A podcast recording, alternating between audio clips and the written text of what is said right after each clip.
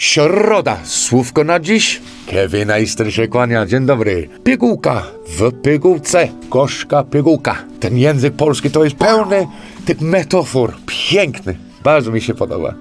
Po angielsku mówimy bitter pill. It's a bitter pill to swallow. Poniżania, wstyd, taki... Ugh. To jest właśnie ten bitter pill to swallow. Jest jeszcze po polsku takie słowo piguła. To jest takie żartobliwe, niezbyt ładnie powiedziane słówko na pielęgniarkę. Piguła.